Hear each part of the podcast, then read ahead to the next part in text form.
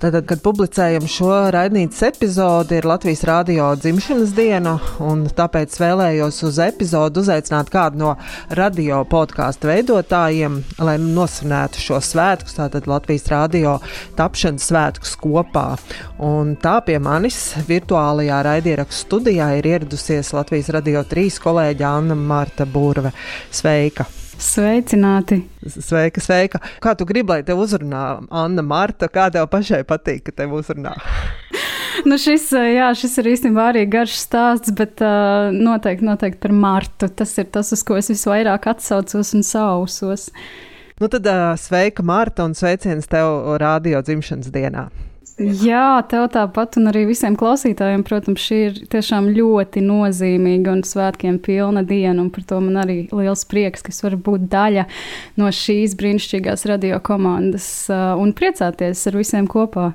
Nu, man vienmēr ir patikuši tie stāsti par to, kā cilvēki nonākuši rādio. Varbūt padalies, kāds ir bijis tavs ceļš līdz Latvijas rādio mikrofonam. Jā, es īstenībā par šito domāju, un tas ceļš ir bijis tāds.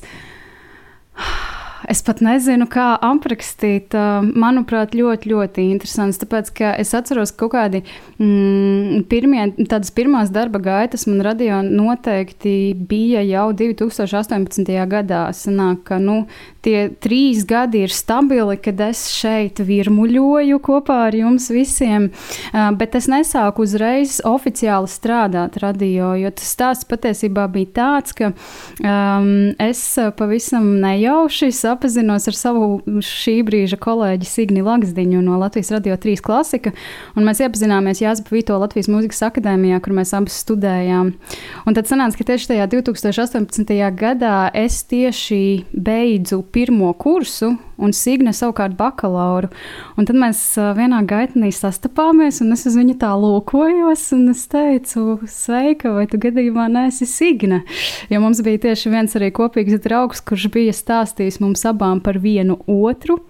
Uh, jā, un tādā veidā mēs apzināmies, un kaut kā sanāca tieši, ka Signe tajā laikā uh, bija, uh, ja tā var teikt, piedzemdējusi jaunu ideju par jaunu raidījumu, un tas bija Latvijas radio trīs klasika raidījums Pagrabs kas ir tieši domāts jauniešiem.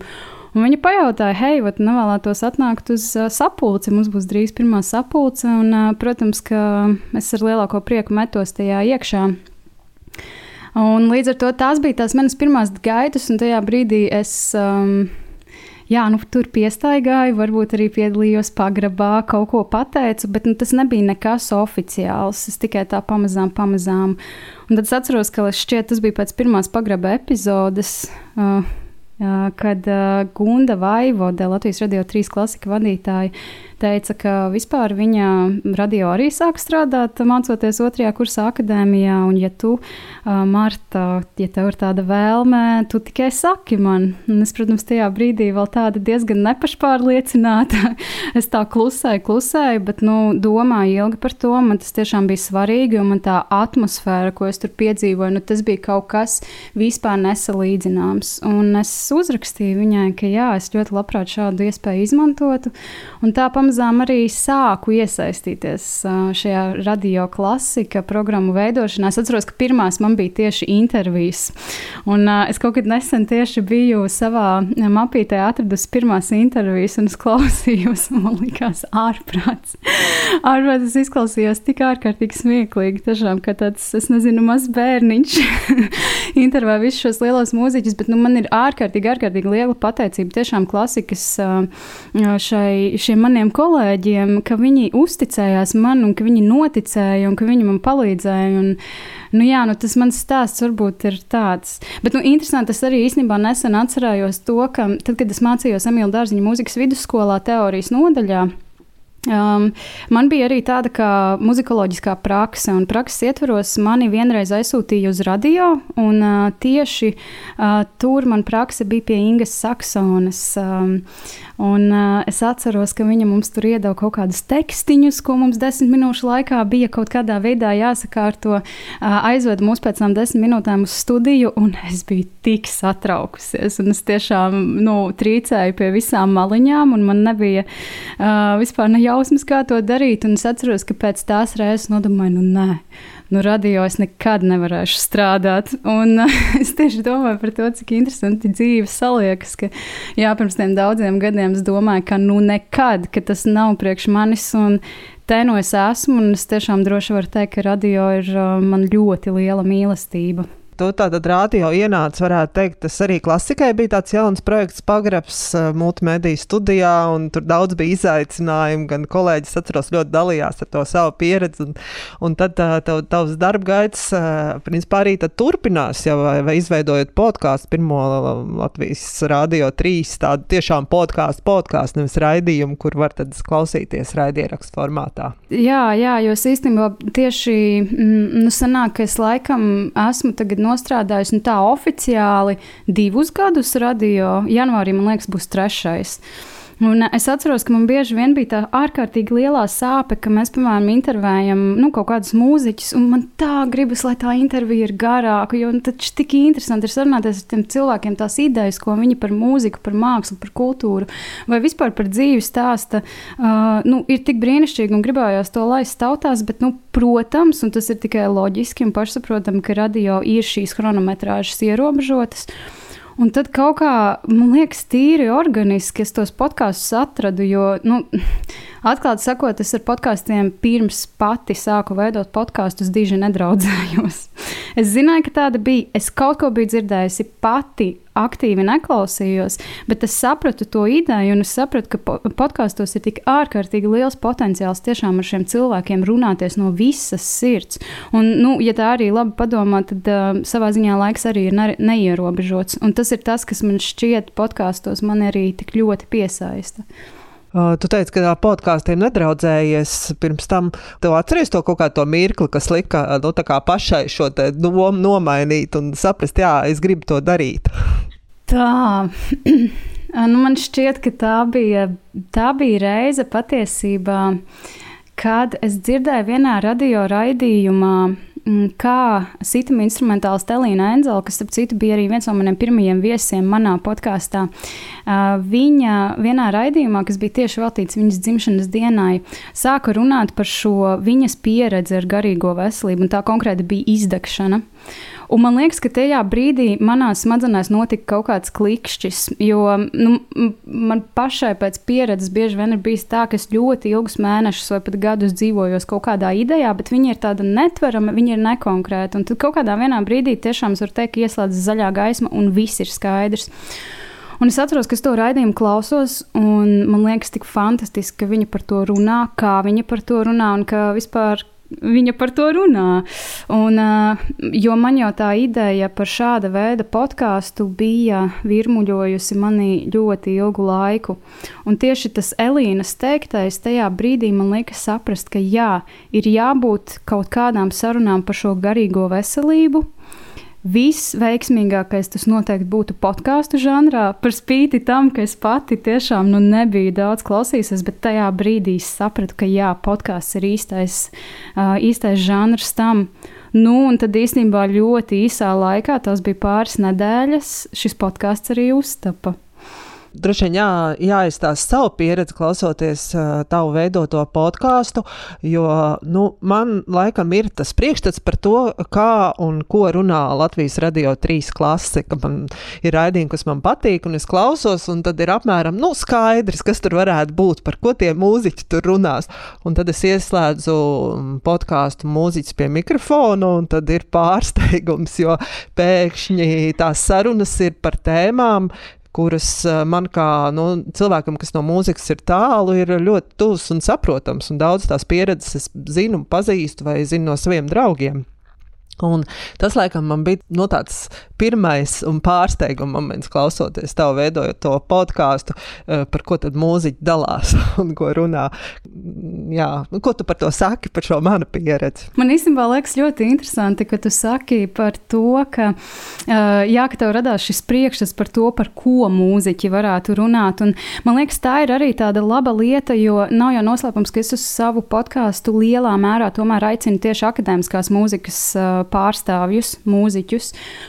Un, uh, man patīk tas, ka šajā podkāstā blakus ārkārtīgi daudzām lietām, kas varbūt izvirzās priekšplānā, uh, priekšplānā bet uh, um, šeit kaut kādā veidā tiek šie akadēmiskās mūzikas pārstāvji arī, viņi paliek cilvēcīgāki, jo nav jau noslēpums, ka īstenībā tā akadēmiskā mūzika, jeb šī klasiskā mūzika, viņa ir gana, nu, bieži mēs dzirdam tādu jēdzienu kā elitāra, tāda nepieejama, tāds kaut kāds svešķermenis visā tajā pasaulē cilvēkiem, kas varbūt nav to studējuši, mācījušies speciālās skolās, un, un man arī īstenībā citi cilvēki bija teikuši par to, ka nav jau īstenībā nozīmes, ka tas mūzika mūziķis ir pie mikrofona. Tur pie mikrofona ir cilvēks ar reālām dzīves pieredzēm. Un um, patiesībā sasaistot šo domu ar kādu citu, uh, tas, kāpēc es vēlējos šo podkāstu veidot, bija tam dēļ, ka es uh, tieši iestājoties mūzikas akadēmijā, es sāku iepazīties ar ļoti daudziem mūziķiem, gan sava vecuma, gan arī vecākiem, kas jau nu, tādā profesionālā vidē darbojas aktīvi. Uh, Un, jā, šo draudzību rezultātā bieži vien izskanēja viskaut kādas sarunas par viņu pieredzi ar garīgo veselību. Viņi uzticējās man, es uzticējos viņiem, un es arvien vairāk, vairāk iepazīstot cilvēkus, sapratu, ka arvien vairāk cilvēkiem šīs tēmas ir aktuāls, taču tās pašā mūziķu vidē vispār um, netiek sadzirdētas, mēs nerunājam par tām atklāti. Tad, tad kaut kādā šo draudzību rezultātā man radās tā ideja, ka, hei, nu, vajadzētu kaut kā par to sākt runāt, bet kā? Un tajā brīdī es varbūt arī vēl tajā radio nebiju tik ļoti iegājis, līdz ar to man nebija ne jausmas, bet tātad šī ideja man visu laiku bija blakus esoša. Un, nu jā, nu tad te nu mēs esam no tās pieredzes, ar kurām un par kurām tavu viesi dalās, tās ir arī tavas pieredzes. Tas ir kaut kas, kas arī ir saistīts ar tevi. Jo man liekas, ka par tādām lietām, un spēt arī ar citiem runāt, var tad, ja tu esi no, kaut kam izgājis līdzīgam cauri, ka tā ir arī kaut kāda tā, tava pieredze. Kā tas ir tev? Jā, pavisam noteikti. Jo es īstenībā varētu teikt, ka šo podkāstu veidoju divu aspektu dēļ, kas pirmkārt bija tie ārējie procesi, kas tātad bija šīs draudzības ar mūziķiem, atklātas sarunas, un otrā noteikti ir mana personīgā pieredze, kurā es varētu varbūt tādus divus zariņus nosaukt. Viens zariņš ir tas, ka man um, ārkārtīgi, ārkārtīgi interesē psiholoģija kā zinātne. Jo es atceros, ka mūzikas akadēmijā iestājoties mums pirmajā kursā kursā tieši bija tā, tāds lekciju kurs, psiholoģija. Uh, es atceros, ka tad, kad lektori mums dalījās ar visām šīm teorijām un idejām, es tiešām es biju noburta, jo skolā, uh, tajā skolā, kur es mācījos, par to vispār nekas netika pieminēts. Līdz ar to man tas bija kaut kas jauns, un tas bija kaut kas, uh, kas man ārkārtīgi, ārkārtīgi interesē tieši no tā zinātniskā viedokļa. Tas būtu tas viens zariņš. Otrs zars savukārt ir, protams, mana personīgā pieredze, jo es tiešām atklāti varu teikt, ka es uh, šobrīd cenšos sadzīvot un draudzēties ar trauksmi, jo man šie trauksmes traucējumi ir bijuši viscaur mūžam. Un, protams, ka no vienas puses tie ir balstīti dažādās pieredzēs, ka, kaut kamā, ko es esmu iemācījusies dzīves laikā, un primāri tas ir bijis skolā, bet otrkārt tas ir arī manā bioķīmijā, manā teikt, fizioloģijā, ka es vienkārši esmu piedzimis kā cilvēks ar iekšēju trauksmi, un man tas vienmēr ir izpaudies tīri fizioloģiski. Un, protams, ka nu, nav patīkami tad, kad manu ķermeni pārņem kaut kādas šīs trauksmainās sajūtas. Un, Un agrāk es atceros, ka es vispār nesapratu. Agrāk man likās, ka tas ir ļoti slikti, un vispār nevienam par to nedrīkst stāstīt. Neviens man nesapratīs, nevienam nav tāda problēma kā man. Un tāpēc es, uzska, tāpēc es domāju, arī šis ir iemesls tam, kāpēc um, man tas tik ļoti interesē un kāpēc es par to tik ļoti vēlos runāt. Jo ar vairākiem cilvēkiem atklāti runājot par šīm. Um, es negribu tās nosaukt par problēmām, bet par šīm situācijām, kurās mēs nonākam. Um, tu saproti, ka tu tomēr neesi viens. Un tā ir ļoti, ļoti patīkama sajūta saprast, ka tu neesi viens pats pasaulē ar šīm sajūtām.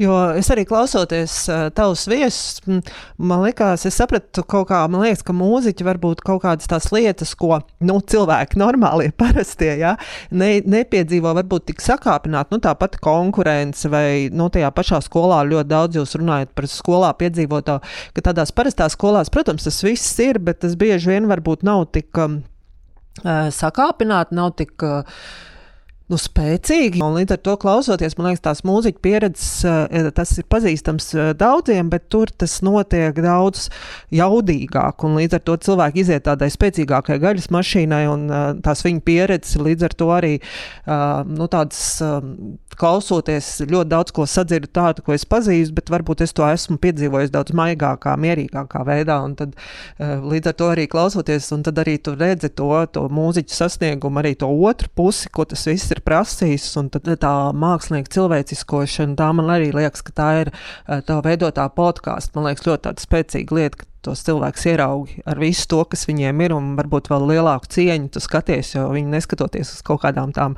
grūtībām, ko ir pārvarējuši, spējuši radīt eh, un rada uh, mūziku, kas daudzus mūs iepriecina. Jā, tā ir. Jo mm, patiesībā mēs arī ļoti daudz ar mūziķiem esam runājuši par to, ka uh, es īstenībā šeit varbūt vēlētos divas lietas pieminēt. Pirmkārt, uh, tas, ko tu minēji par skolu, kā, kādā vispār mēs vidē dzīvojam. Principā mūzikas skolā tā ir ārkārtīgi intīma vide. Jo tev ir šis viens speciālitātes pedagogs, ar kuru nu, tu nevari tīri teorētiski par kaut ko parunāt, jo mūzika ir jāizlaiž tiešām caur savu ķermeni, caur savu prātu, caur savu sirdi, caur savu dvēseli. Un to nevar izdarīt tīri tādā teorētiskā veidā. Un, protams, nav noslēpums, ka ļoti daudzi mūziķi, kas arī paliek par mūziķiem un kļūst par profesionāliem mūziķiem, nu, viņi ir jūtīgāki, jo viņi ir mākslinieki. Es, es, es tomēr es tiešām uzskatu, ka mm, tev ir jābūt jūtīgam, vai tas ir saistīts ar krāsām, vai tas ir saistīts ar vārdiem, vai tas ir saistīts tiešām ar skaņām, ka tev ir jābūt uz tām jūtīgam, lai tiešām varētu varētu šo mākslu varbūt turpmāk nest ārā. Tā būtu tā viena doma. Un otra. Um, Jā, mēs ar daudziem mūziķiem esam runājuši par to, nu, ka, piemēram, par to uh, cilvēciskošanu, ne? Ka mēs tik bieži tiešām visus šos komponistus, Ludvigs van Beethovens, nu, tas ir tāds ģēnijs un dieva vietā noliekams.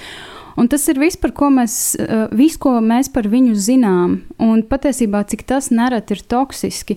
Un tas pats īstenībā ir bijis ļoti interesanti ar tiem pašiem podkāstu viesiem, man pašai personīgi, gan arī citiem cilvēkiem, ka viņi lūk, vienmēr, piemēram, šo vienu uh, cilvēku mūziķi, vienmēr domāšu, vai kāds viņš kolosāls mūziķis, nu tas vienkārši kaut kas neiedomājams, viņš ir tāds, uh, nezinu, angļu valodā būtu idol, ja? um, bet tajā brīdī, man liekas, liekas, pazūd šī kaut kāda cilvēcība. Un tas man arī patīk, ka mēs nu, cilvēciskojam tos cilvēkus, jo man liekas, tas ir ļoti toksiski un neveselīgi turēt kādu uz augsta piedestāla vai kaut kādā karaļa tronī. Uh, tas, man, tas pazaudē visu realitāti, manuprāt. Tas, kas man liekas arī ļoti, ļoti svarīgi, vērtīgi, jūs tiešām arī runājat par skolas vidu un kā top mūziķi un kā tas notiek un ko tas prasa no patiesībā vēl bērniem, kad viņi iet cauri tam visam procesam un šī konkurence vai atkarība no pedagoga vai vērtējums, jā, no kā tu esi ļoti atkarīgs un kas tev veido. Man liekas, ka tās tēmas ir tādas, par kurām nu, ļoti, ļoti maz mēs runājam. Un es pieļauju, ka mūziķu vidē, mūzikas vidē arī ir grūti runāt, jo tur viens otru pazīst un viss ir vienā skolā vai divās skolās mācījušies. Līdz ar to tā vide ir vēl šārāk, bet tas, ko jūs runājat par skolu, man liekas, ka tas ir ļoti, ļoti vērtīgi un iespējams tas arī varētu palīdzēt kaut kā arī šai vidē kļūt daudz, daudz empātiskākai, iejūtīgākai, saprotošākai. Es domāju, ka pavisam noteikti, jo atklāti sakot, tas man pašai bija pārsteigums, cik ļoti daudzi šie podkāstu viesi par to tik atklāti runāja. Jo es atceros, ka tad, kad man bija tie pirmie četri viesi, kas jau bija tiešām sarunāti divus mēnešus iepriekš, kad tā ideja vēl dzīva, man tieši bija viena tēma ar vienu, starp citu, manu kolēģi skolā, Evijas Kūķa Mārķis stāstīja par uh, garīgo veselību skolas vidē. Man liekas, nu, forši. Tas ir labi, ka ir šāda tēma, mēs to izrunāsim, mēs vērsīsim uz to uzmanību. Bet tad nāca pārējie viesi, un viņi turpināja šo tēmu. Ja pat mūsu tās konkrētās epizodes tēma ar to nebija saistīta, tas vienalga kaut kā iesprādzās. Un tas arī parāda mūziķiem, mūziķu vidē un vispār tai skolu sistēmai, kas varbūt ir nogājis greizi. Jo tiešām ir ļoti daudzas pieredzes gan man pašai, gan arī cilvēkiem, ar ko es esmu runājusi kas tiešām ir bijušas ārkārtīgi neveselīgas tieši tajā skolu vidē. Un es patiesi ceru, ka ka varbūt kāds, kurš ir skolas pārstāvis šos podkāstus klausoties, varbūt pārvērtēs kaut kādas savas vērtību sistēmas, kas ir bijušas ilgstoši un ļoti daudzus gadus, un sapratīs, ka laikiem mainoties, ir jāmainās arī sistēmai. Un tas, protams, ir attiecināms arī uz globālākām lietām, bet, nu jā, ja mēs runājam tieši konkrēti par skolas, tiešām, tiešām ceru, ka tas varētu palīdzēt. Man liekas, jā, un tas sarunās arī, ka mūziķi dalās ar to, kā, kā, kā piemēram, tiek galā ar kaut kādiem kritumiem vai krīzēm, vai kādi ir tie risinājumi, kā viņi atrod spēku, lai turpinātu vai darītu to savu lietu. Man liekas, ka tas jā, tā ir tāda pieredze, ko klausoties. Nu, man par, es saku, tas man par lielu pārsteigumu bija tā, ka es to varēju attiecināt arī uz sevi, un nu, ka es to saprotu, un tas nav tā, ka tu klausies kaut ko, par ko tev ir nu, maz nojēga un sapratne. Es domāju, jā, kas man liekas interesanti, tieši šī epizodē, kas iznāca pirms divām nedēļām, tā bija ar komponistu Kristu Auznieku. Es tieši tur minēju to, ka, manuprāt, jau mēs lielā mērā, protams, ar izņēmumiem, bet ja mēs tā paskatāmies globālāk uz to lielo bildi, mēs katrs tajā savā emocionālajā pasaulē ejam cauri visai līdzīgām lietām. Bet es to nedomāju tu, tādā veidā, ka visi iet cauri trauksmai un tam līdzīgi, bet kaut kādām šīm situācijām, šiem procesiem, kas ir saistīti ar garīgo veselību. Bet tas veids, kā mēs par to runājam, vai arī vēl svarīgāk, kā mēs to noformulējam, ir dažāds. Un, piemēram, tiešām var būt divi cilvēki, kas varbūt runā par vienu un to pašu lietu, bet viņi to noformulē citādāk. Tad, piemēram, vienam klausītājam derēs tas, kā to ir noformulējis otrs viesis, savukārt nākamajam klausītājam derēs tieši kā to noformulē pirmais. Un tas ir tas, kas man tik ļoti patīk, ka jā, mums tās konkrētās tēmas ir ārkārtīgi svarīgas, un es arī cenšos to visu veidot tā, lai tas ir dažādi, bet tajā pašā laikā. Um, es vēlos, lai tiešām ik katram klausītājam kaut kādā brīdī būtu tāds, ka viņš klausās, un jā, ir interesanti, bet pēkšņi ir tā viena epizode, kas nu, iesit tā teikt, pamatīgi, un, un ka viņš norezonē ar to pilnībā vai tu esi dzirdējis vērtējums par savu podkāstu, un uh, ko, piemēram, par tavām sarunām saka nu, mūzikas cienītāji, kuri mūziķus liek uz tādu augstu piedestālu, un, un viņi ir tie mākslas tādi neaizsniedzamie elki, kuri nu, ir kalpotām tām gaišajām mūzām, un tad pēkšņi viņi dalās tajā, ka ir piedzīvojuši depresiju, ir izdeguši vai kā citādi izrādās, nu nav tādi balti pūkaini un vienmēr ar um, eņģeļu eņģeļu spārniņiem nelido riņķī apkārt. Kā ir, vai tas kaut kādā veidā tu esi saskārusies ar to, ka, nu, tad, kāpēc mums šis viss jāklausās? Nu, jā, nu patiesībā ir interesanti, jo man liekas, uz to manu podkāstu nāk cilvēki, kas paši par šīm lietām ļoti aktīvi domā. Uh, man šobrīd pirmais, tā pirmā reakcija ir teikt, ka es neesmu sastapusies un runājis ar tādiem cilvēkiem, kas visu mūžu varbūt būtu skaļi postulējuši to, ka tiešām mūziķi ir šie lielie gara, šīs lielās gara radības, ar, kas nāk ar gaismu, bet ka tie tiešām ir cilvēki, kas paši vēlas vērst uzmanību uz šīm lietām. Un es īstenībā domāju, ka jā, nu, tie ir arī vienīgie, kas nāks, kas ir gatavi par to runāt. Bet, eh, nu jā, patiesībā par to atgriezenisko saiti runājot, es neesmu saņēmusi nevienu negatīvu komentāru, kas, protams, ir ļoti patīkami. Man vairāk jā, raksta cilvēki vienkārši ar pateicībām, ka cik priecīgi, ka mēs beidzot par to runājam. Un tādā ziņā uh, man ir jāsaka patiesībā vislielākais pateicības tiem viesiem, jo bez viņiem jau vispār tas nebūtu. Un kāda tev ir doma tālāk turpināt, kas ir tās tēmas, par kurām tu vēl gribētu runāt, vai kuras celt augšā, vai mūziķis ar, ar, ar saviem viesu palīdzību, jā, tās tēmas vienkārši padarīt tādas redzamākas, nevis tikai, jā, tā, ka kaut kas tāds ir, bet, nu, par to neviens nerunā. Jā, nu patiesībā man jāsaka, ka es nevaru, protams, pilnībā izpaust šo informāciju, jo tas ir tikai tādā idejas sākumā, bet uh, es varu teikt, ka mūziķis pie mikrofona sākot ar nākamo gadu paaugsies, uh, viņš uh, izplatīsies plašāk. Uh, tas ir viens, un otrs, um, nu patiesībā par tām tēmām ir interesanti, jo es nekad neesmu domājusi par viņu ļoti konkrētām tēmām, jo patiesībā tas pats pats primārais šajā podkāstā ir tā personība, kas atnāk pie manis. Uh, personība ar savu stāstu, Bet tas, ko es ļoti, ļoti vēlētos nākotnē, un, protams, ir jāskatās, kā tas šajā pandēmijas laikā realizēsies, jo es domāju, ka tas ir īstenībā tas, kas mani iekšēji bremzē to darīt, ir veidot arī diskusijas, kur sanāktu šīs personības vairākus un vienkārši savā starpā runātos un dalītos. Un diskusijas par dažādām tēmām, jo ja mēs šobrīd tiešām esam vairāk koncentrējušies uz nu, tādām tiešām, piemēram, šī tēma par izdegšanu vai par depresiju vai par trauksmi, kāpumiem un kritumiem, tad es vēlētos to paplašināt un runāt arī par sabiedrībā aktuālām tēmām. Viena, es kā piemēru varu nosaukt, piemēram, kaut vai tā pati Covid tēma. Daudzi mūziķi ir zināmi, kuri ir izslimojuši um, šo vīrusu. Un, man patiesībā būtu ļoti interesanti mm, ar viņiem sarunāties par viņu pieredzi. Jo man bija viena paziņa, kura teica, ka pēc izslimošanas ar covid viņa jūt, ka viņas kognitīvās spējas ir pasliktinājušās, un vērst arī uzmanību uz tādām lietām, kā ir dzīvot pēc šīs. Nu, nevar jau teikt, šobrīd pēc, bet jā, pēc šī covid. Nu, tādām lietām. Tādas lietas, kas sabiedrībā tiešām ir aktuālas. Tāpēc, jā, pats raidījums noteikti tvērsies plašāk, un arī tās tēmas es arī vēlētos tvert krietni plašāk. Un kā tev ir no, no tavu viesu puses, no mūziķiem, cik viņi tādi atsaucīgi, ka tu viņus aicini dalīties par tādām ļoti arī personīgām, privātām lietām, gatavi vai tev nāks pierunāt viņus? Es vēlētos šo podkāstu patiesībā nosaukt par tādu kā koprojektu, jo es nekādā brīdī nekad nevēlos cilvēkam uzspiest par kaut ko runāt. Eh, protams, man absolūti visos gadījumos, kad es viesus esmu uzrunājusi, viņi ir bijuši ļoti atsaucīgi. Un arī viņi ir tie, kas iesaka kaut kādus nākamos viesus, ko iespējams potenciāli varētu uzrunāt. Um, Un tas vispār tas podkāstu veidošanas process ir tāds, ka mēs pirms ieraksta satiekamies divatā. Nu, tad, kad varēja, mēs satikāmies pie kafijas krūzes un varējām vienkārši iepazīties, sajust viens otru, parunāt par to, kas mums abiem ir svarīgi, un tad izdomāt, par ko mēs runāsim podkāstā.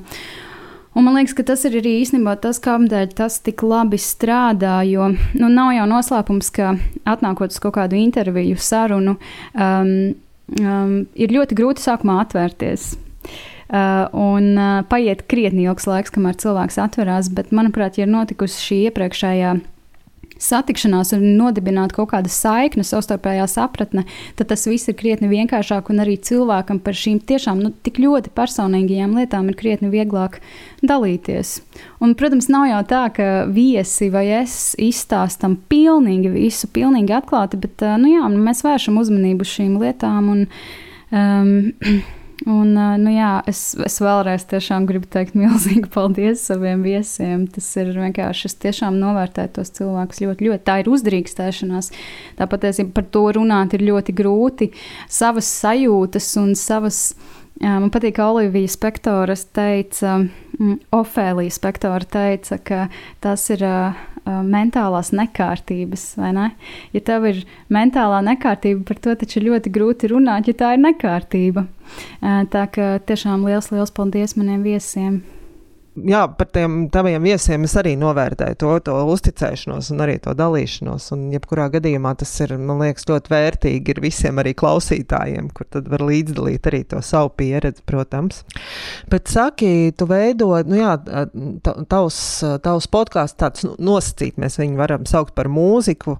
Varbūt tur ir tas, ka nāk mūziķi un runā to pieredzi, ko viņi ir piedzīvojuši tie, tieši tāpēc, ka profesionālais darbs ir saistīts ar mūziku caur mūziku tas nāk. Um, bet uh, man bija interesanti, ka gatavojoties mūsu sarunai, es domāju, nu jāpaskatās par mūziku, kāda vēl ir latviešu valodā podkāstu. Nav nemaz tik daudz.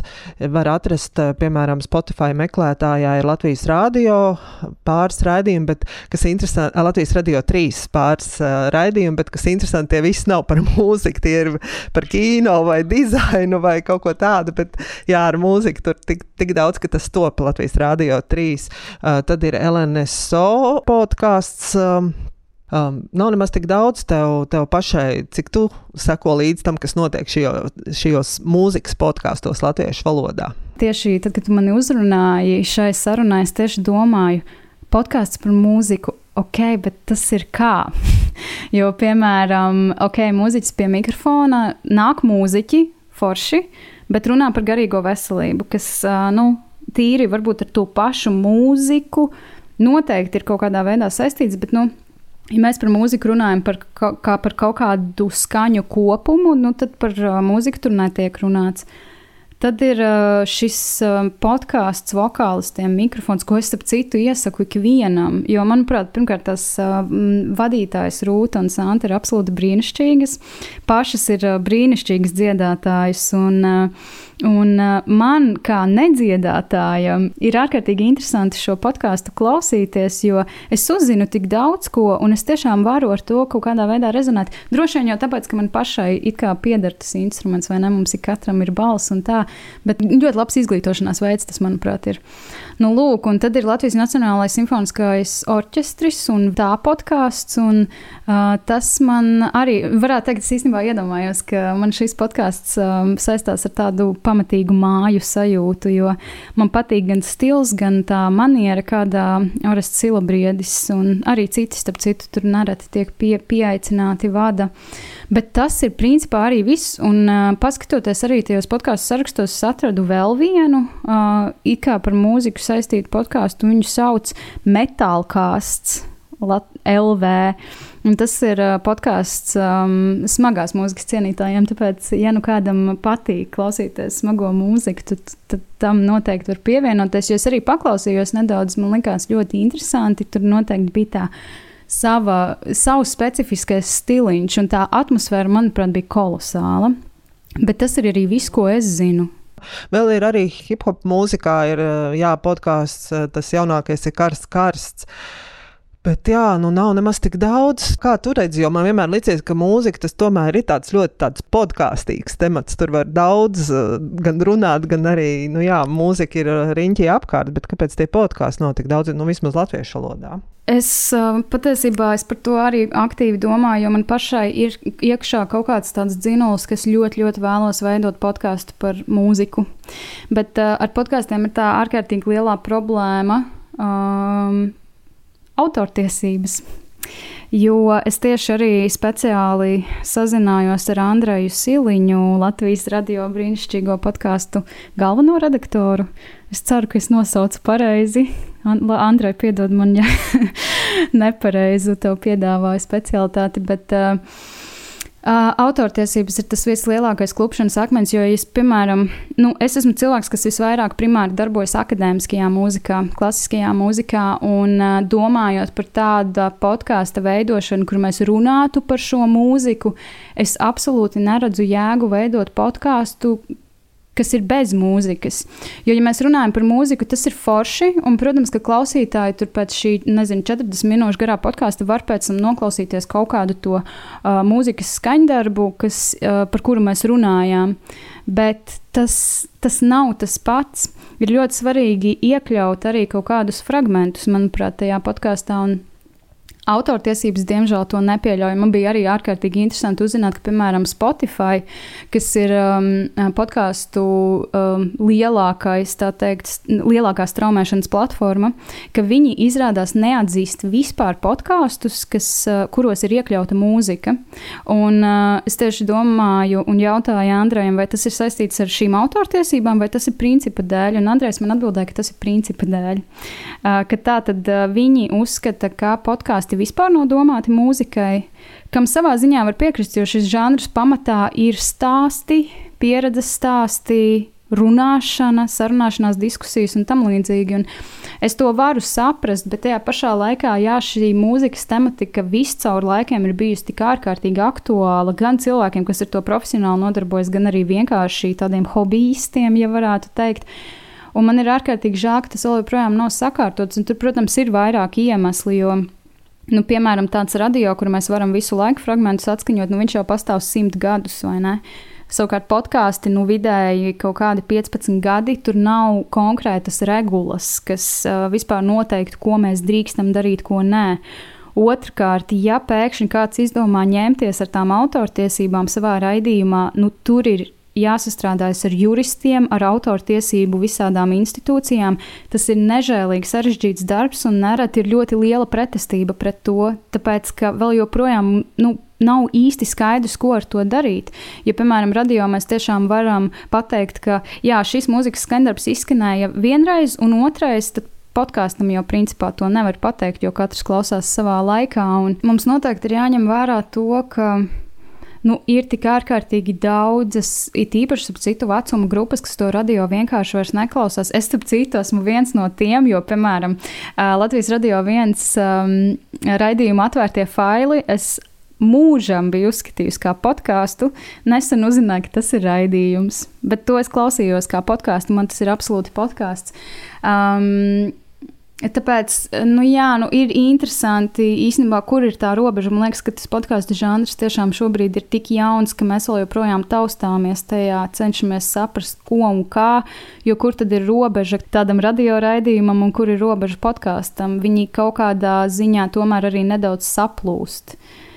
Nu, tā, jā, bet man vienalga, kā liekas, ka tā vislielākā problēma ir ar tām autortiesībām. Un, protams, ar tādu, piemēram, Spotify, kurš vienkārši neatzīst tādus raidījumus. Un kādus raidierakstus, Marta, tu pati tagad klausies? Patiesībā es tieši vakar sarakstīju tādu sarakstu, gāju cauri savam Spotify, jo es, starp citu, tieši Spotify klausos visu. Uh, Un, jā, man tāda interesanta aina pavērās, jo tie podkāsti ir ļoti dažādi un lielā mērā ap citu saistīti ar to garīgo veselību. Man ir ārkārtīgi interesanti tiešām klausīties šajos cilvēku pieredzes stāstos, jo ir, īstenībā ļoti interesanti. Es klausījos um, Radio 5 podkāstu Kā ir būt. Uh, Un uh, savā ziņā jau tā ievirzē kaut kādā mērā ir līdzīga arī manam podkāstam, un es klausījos, un es vienkārši bez mazliet biju sastingusi, cik man bija interesanti līdz ar to. Uh, jā, piemēram, šis kā ir būt, um, tā es paskatīšos, kā, kādi vēl bija, lai es nesajauktu nosaukumus. Uh, jā, tas pats arī, piemēram, vai tas ir normāli. Man liekas, tik ārkārtīgi interesanti, ka var piedalīties arī tādā terapijas sesijā, ja tā var teikt.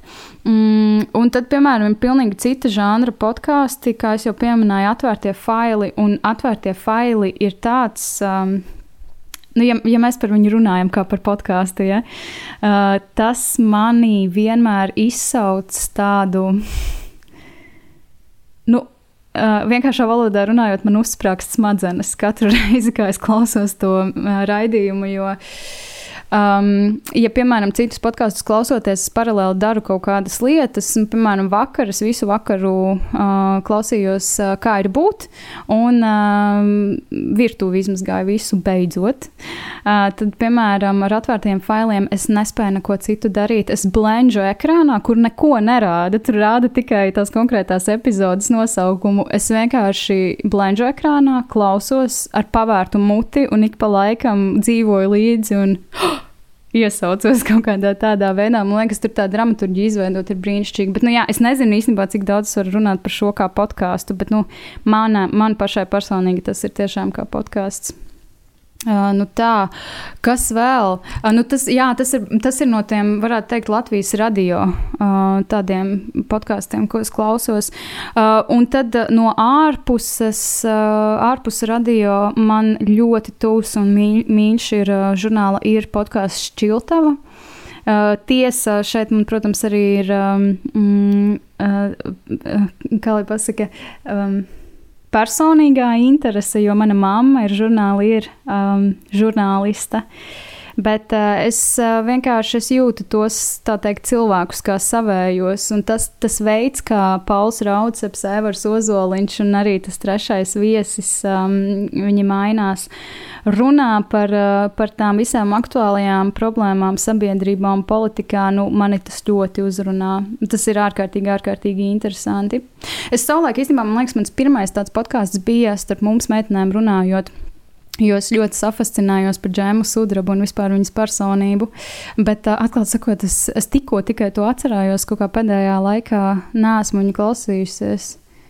Šķiet, ka pēdējais bija Ola, kurā tu ieeji uz to, es nezinu, 40 minūtēm, stundu vai pusotru stundu, vai pat divām. Starp citu, arī klausos, jā, arī Roja Rodžera un uh, Kristiānas grāmatiņas podkāstu. Man ārkārtīgi, ārkārtīgi šīs divas personības uzrunā. Uh, Uh, bet par tiem podkāstiem, jā, uh, man liekas, ka primārais, kas man patīk, ka tur ir reāli cilvēki un reāli cilvēku stāsti.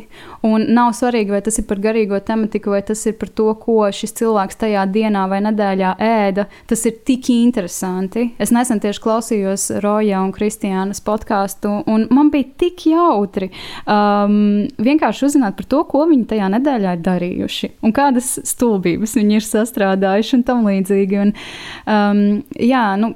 Uh, Ja radio es tiešām redzu uh, kā tādu sabiedrisko mediju, kas tiešām informē cilvēkus un vērš cilvēku uzmanību uz kaut kādām lietām, tad podkāsts ir tāds, tāds kaut kāds ļoti mīļš un pūkains radījums, kuru var jebkurā brīdī samīļot, un pēc šīs samīļošanas tu jūties ārkārtīgi labi. Nu, tas varbūt būtu mans secinājums par šiem podkāstiem. Uh, Bet, uh, starp citu, es nesadzirdēju, ka tu klausītos podkāstus par mūziku. Tas tā jauši vai nejauši? Nu, zin, kā, es, es tiešām, atklāti sakot, neesmu pat interesējusies par um, ārzemju mūzikas podkāstiem, jo um, man tā dzīve ar mūziku profesionāli ir tik ļoti, ļoti saistīta, ka Um, es, protams, es klausos Latvijas radio trīs klasika raidījumus, un es arī pati tos vadu. Bet man šobrīd, vismaz šajā dzīves punktā, kad es arī nesen pabeidzu mūzikas akadēmiju, Man nav sajūta, ka savu brīvo laiku vēlos ar to saistīt, jo vienkārši tās mūzikas ir ļoti, ļoti, ļoti daudz.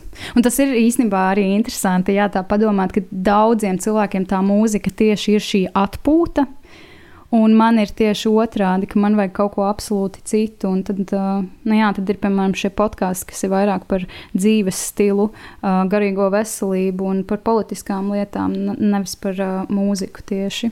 Piemēram, ja es mājās kaut ko tīru un negribu podkāstus klausīties, nu, tad es klausos pārsvarā neakadēmisko mūziku, kas. Nu, 20, 30, 40, 20. gadsimta neakadēmisko mūziku, tā varētu teikt. Uh, Uh, jā, bet nu, un, uh, tā kā es esmu uh, tiešām 14 gadus nomācījos Emīļa Dārziņa mūzikas skolā. Um, Man, es, mana tā kaut kāda analītiskā puse ir tik ļoti um, latviešu runājot, uzskačāta, jo es, es negribu pat teikt vārdu uztrenēt. Es tiešām gribu lietot šo varbūt žargonu uzskačāta, jo nereti ir ārkārtīgi grūti abstrahēties no šī kaut kāda. Um, mm, no tavām tām profesionālajām iemaņām. Un ko es ar to domāju? Brīžiem, kad es pat klausos šo neakadēmisko mūziku, es viņu analizēju. Es viņu analizēju pēc konkrētiem kaut kādiem teorijas parametriem. Un tas man nepalīdz atpūsties, jo manas smadzenes konstanti ir nodarbinātas. Un, Nu jā, bet galvenais ir tas, ka man nav pazudusi mīlestība pret to mūziku, manuprāt. Jo man liekas, šausmīgi būtu tajā brīdī, ja es tiešām, oh, iet uz to darbu un, uh, un domāt, bācis tās mūzikas ir par daudz, es vairs nevaru izturēt. Tā gluži arī nav, bet uh, tiešām es apzināti izvēlos varbūt tik daudz ar to savu brīvo laiku nesaistīt. Un kā tu redzi savu darbu nākotnē? Strādājam, piemēram, radio ēterā vai podkāstā, vai meklējot vēl jaunus citus formātus, kurā, kuros radoši izpausties. Jā, tas ir īstenībā patiesībā ļoti labs jautājums. Um, nu, ir viena lieta, ko es noteikti savā dzīvē negribētu pazaudēt no radio. Mm, tā ir dzīvā ētera sajūta, jo es regulāri arī katru nedēļu, pirmdienās, starp citu, vadu rīta raidījumu klasikā Rīta Rektājums. un tā man ir tik mīļa lieta. Man tik ļoti patīk tā ideja par to, ka es no rīta pamostos, ātri izdzeru kafiju, aizskrienu uz radio un ieeju studijā un domāju par to, ka hmm, tūdaļ es slēgšu iekšā mikrofonu. Mani klausīsies, varbūt cilvēks pie rīta kafijas, sēžot savā virtuvē vai braucot mašīnā, un es viņu uzrunāšu, un man viņam ir, um, man viņam ir jā, jārada jauka atmosfēra tam rītam. Um, man liekas, ka nav nekā cita tāda pasaulē, kas man liktu justies tā, kā es jūtos tajā brīdī, kad es sāku runāt šajā raidījumā, un tas aiziet dzīvajā. Uh, bet tajā pašā laikā man ir jāsaka, ka man šī podkāstu pasaule ir ārkārtīgi uzrunājusi. Un es tiešām, man arī bija tā brīnišķīgā iespēja jūnijā piedalīties um, konferencē par podkāstiem, kas notika visā pasaulē. Uh, podkāstu Day 24, laikam, jo viņi norisinājās 24 stundas no vietas. Un es gribu nākotnē arī doties uz visādām šādām konferencēm. Jo man šis žanrs ļoti uzrunā. Tas, ko es teicu, man liekas, tur ir, tur ir ārkārtīgi liela intimitāte, tur ir tāds ļoti mīļš gars, gars jā, ko, kas man vienkārši, man pašai personīgi ir ārkārtīgi tuvs. Un tamdēļ es noteikti, noteikti vēlētos turpināt aktīvi darboties arī šajā. Vai te jau ir ideja kādam jaunam raidierakstam? Man ir, bet tas ir tieši saistīts ar, tev, ar to mūziku, vai ne? Un tāpēc ir ārkārtīgi grūti saprast, kā to realizēt. Jo man bija īstenībā viena ideja, ka Tīri tādā par akadēmisko mūziku runājot, būtu ārkārtīgi interesanti aicināt uh, mūziķus, kas ir studenti, un iztaujāt viņus par to, kā viņi redz mūzikas pasauli šodien, un arī īstenībā to pašu akadēmisko mūziku, kas tiešām ir ļoti atrauta no um, cilvēku ikdienas. Un uh, es biju arī iedomājies, ka būtu super fantastiski, ja mēs runātu pat par kaut kādiem konkrētiem skaņdarbiem, aprunātu tā, šo skaņdarbu vēsturi, saprastu, kas tur vispār notiek, un ka šis jaunais cilvēks uz sava instrumenta varētu parādīt, kā viņš šo skaņdarbu sajūt, kāpēc viņš šo skaņdarbu spēlē tā, kā, piemēram, neviens cits. Bet nu šeit atkal ieslēdzas autortiesību problēma, jo runāt jau mēs varam. Bet tajā brīdī, kad viņš atskaņos kādu skaņdarbu, atkal problēmas ar autortiesībām. Tāpēc nu, šī ideja man vēl joprojām dzimst. Tā kā es sākumā teicu, ka man vēl ir Es tiešām kā tāda, es nezinu, man vēl šajā eļļā ir jāpacapās. un gan jau kaut kādā brīdī tas radīsies. Bet jā, um, podkāstu par mūziku es noteikti, noteikti vēlētos veidot. Jā, mūsu saruna tuvojas noslēgumam, un tāpēc uh, domāju par to, ko mēs varētu ar tevi novēlēt Latvijas rādio šajā nedēļā, kad tas svin dzimšanas dienu. Uh, varbūt varam novēlēt to, lai gan radio, gan arī raidierakstiem ir iespēja augt, attīstīties, bagātināties, papildināt vienam otru un nebūt konkurentiem, bet tādiem labvēlīgiem ceļa biedriem uh, tam ceļam, ko mēs ejam visi kopā. Jā, tieši tā. Un tas man liekas arī ir pats svarīgākais, ka mē, vismaz manā pieredzē neesmu sastapusies ar to, ka podkāsti un radio tiktu kaut kā baigi salīdzināti un viņi savā starpā konkurētu. Man tiešām patīk šī ideja, ka šie abi lielumi var līdzās pastāvēt. Un man liekas, ka tas ir pats pats labākais. Paldies, Mārta, par šo sarunu, un tad tiekamies raidierakstu viļņos. Jā, liels paldies un tiekamies!